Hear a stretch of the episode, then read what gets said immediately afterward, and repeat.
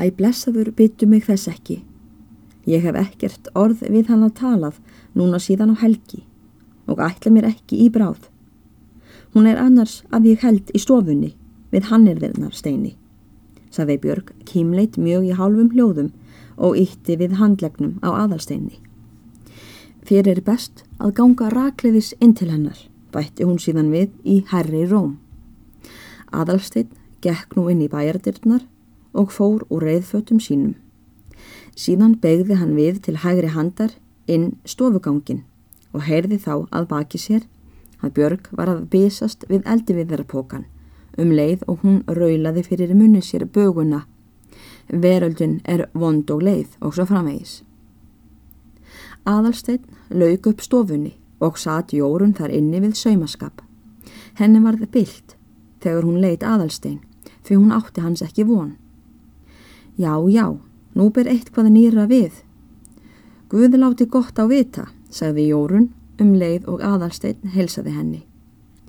Ég vænti að ég eigi að fara að þéra þig, eða er ekki svo?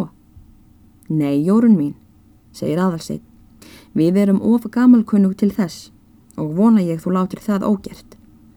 Ég er nú komin til að kveðja þig og þakka þér fyrir allt gamalt og gott áður en ég fer alfarin úr sveitinni. Það veri best að fá sér sæti, mælti Jórun og benti á auðan stól hinu megin við borðið. Hann mun segja mikið og margt í frettum úr langferðinni. Ó nei, ekki er það nú mikið, því síður margt. Almenn helbregði manna hvar sem ég hef farið og nýmæla löst alls yfir. Ó já, mælti Jórun. Markur hefur nú talið það með tíðundum sem minna er, ef erindið hefur verið það sem fólk er farið að segja. Jú, það er vist satt frá sagt um það, ansaði hann. Ég fór að finna föður minn sem ég kynntist fyrst í þeirri ferð og hann kannadist líka við mig. Mér varð ferðin til mikil skaks og ánægu. Mér gati ekki gengið betur í öllu tilliti en mér gekk. Jórun hafi lagt frá sér hannirðirnar og satt svo á stólnum að hún kvildi vinstri handar olbógan á borðinu Meðan aðalsteinn talaði, beitt hún í ákjafn noklinna á litla fingri þessarar handar og síndist ekki vera í rólegu skapi. Þó stilti hún sig vel og let sér næja með að svara. Og já, það var mjög heppilegt. En það er gott til minningar um hana önnu heitna að tarna. Ég vildi fegin eiga von á slíku yfir mér í gröfinni og hristi jórun nú höfuðið. Já, en sannleikurinn er sagna bestur mælti aðalsteitt með áherslu.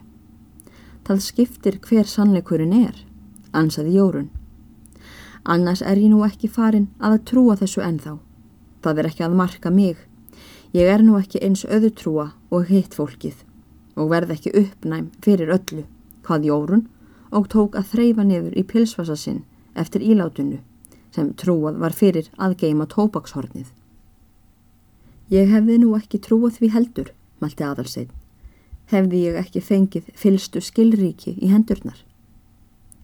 Meðan Jórun nuggaði tóbakspungin, reyri hún lítið eitt fram á stólnum og síndist hugleiða þetta málefni.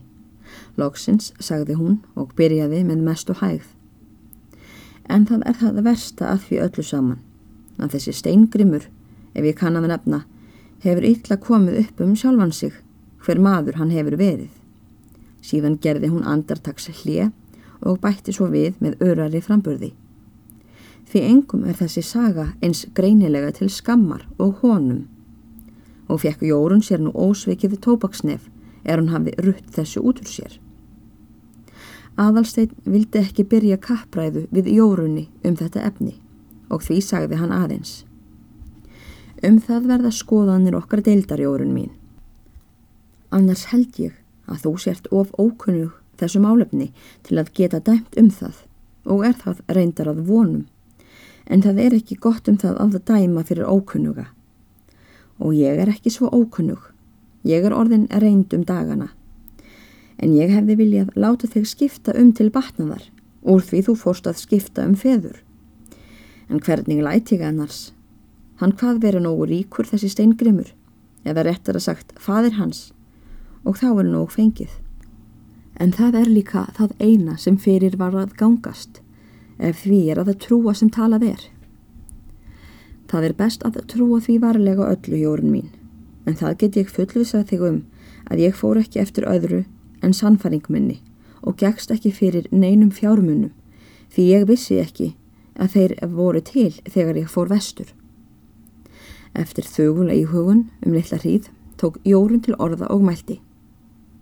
Mikið er það sem hún Sigurbjörg litla á neðstabæ kemur til leiðar. Það hefði ég svarið fyrir og stóð Jórun upp í sama byli og gekk út úr stofunni og let aðalstein einan eftir. Þegar Jórun var gengin út fyrir lítilli stundu, heyrir aðalstein að snöglega byrjar háreisti mikil fram í bænum og færist ómurinn að honum heyrist innan frá búrdirónum. Hann var öllum húsakinnum nákunnugur frá fornu fari og út að bæjardirum. Aðalstein kannadist þegar við að þar láta hinnir stórkrómaðri strengir í barka jórunar til sín taka og getur hann heyrt orðaskil á þessa leið. Og snáfaðu burt. Í flestu ertu léleg kindin þín. Ég hefði ekki beðið þig fyrir að rjála neitt við mjölkurtrógin. Þú gast látið það ógjert. Snáfaðu og flyttu heim hlaðan eins og þú átt að gera. Ekki nema það þó. Komin innst inn í búr og fernað guttla í trógunum og kennir svo kettinum um. Þessa sög heyrði aðalsteinn fram borna með miklu afli og kom engin varnarræða í móti og grunnaði hann að Björgu myndi ekki þykja hagurinn mikill að því að vera gengin í bindindi um að tala við húsmóðurina og fá svo aðrar eins skráveifur og þessa. Og leita nú út um gluggan í sömu andráni og sá hvar Björg lötraði norður hlaðið með pókasinn undir hendinni. Hún síndist þá ekki glöð í bræði. Ekki gata hann heyrt til hennar neitt kvæðaskap en þó síndist honum varirnar bærast og reð hann þar af að hún væri að minnstakosti að rifja upp fyrir sér gömlu böguna því að oft væri þörf en nú nöðsind til hennar að taka.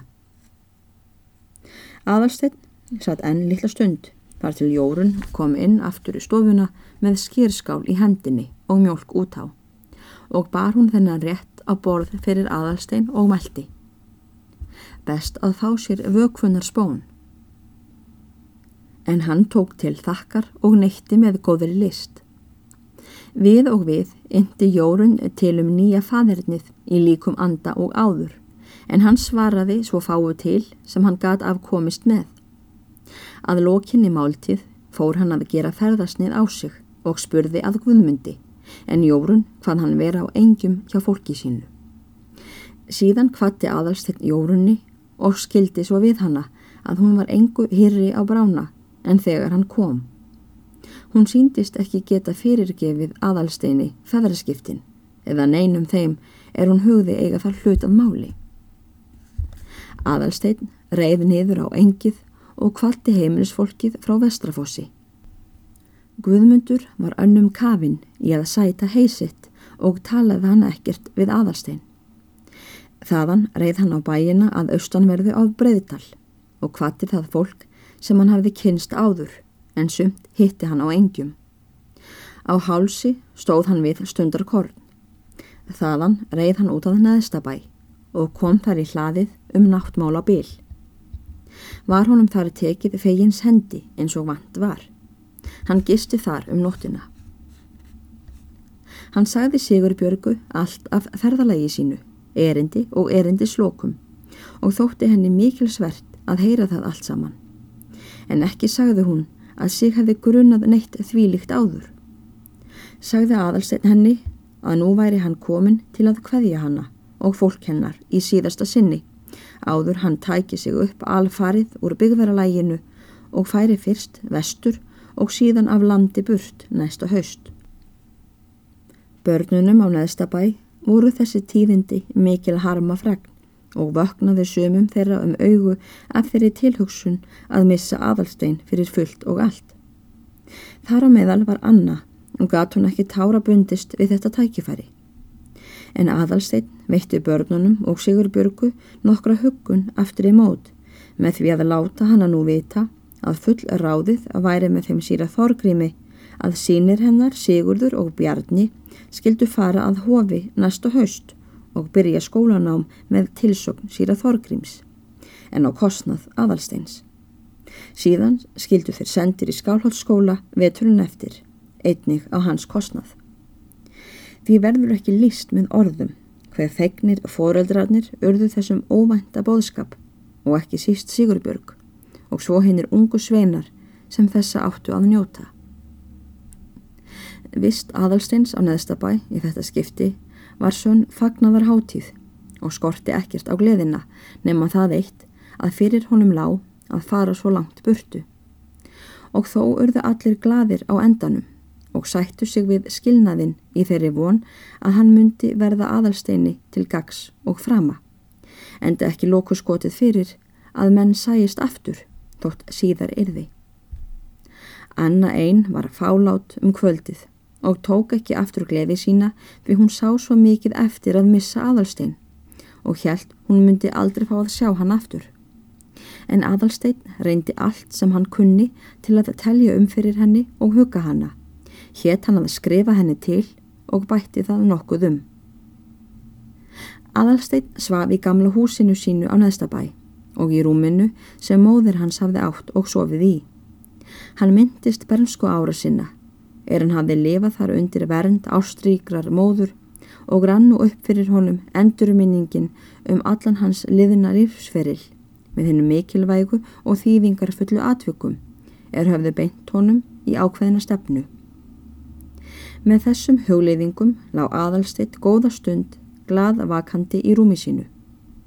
En sem hann skoðiði þetta í hugsér var þann hrifin af þakkartilfinningu til forsjónarinnar er hafði leitt hans fó víslega og mildilega að farsalu takmarki og lofaði nú aðalstitt guð af klökkum huga. Hjarta hans var bljúkt og óspilt, saminskan hrein og skynseminar ljós logaði fagurt í henni ungu sál og tilpaði hann nú Guð með öllum þessum ungu sterku og ólúðu kröftum. Hann þakkaði fyrir náðara gjöf ástrýkrar móður er endaði lífsitt með því að setja mannorð sitt í veð fyrir sannleikann og fann hann að þessi gjöfin Guðs var hinn fyrsta og dýrmætasta.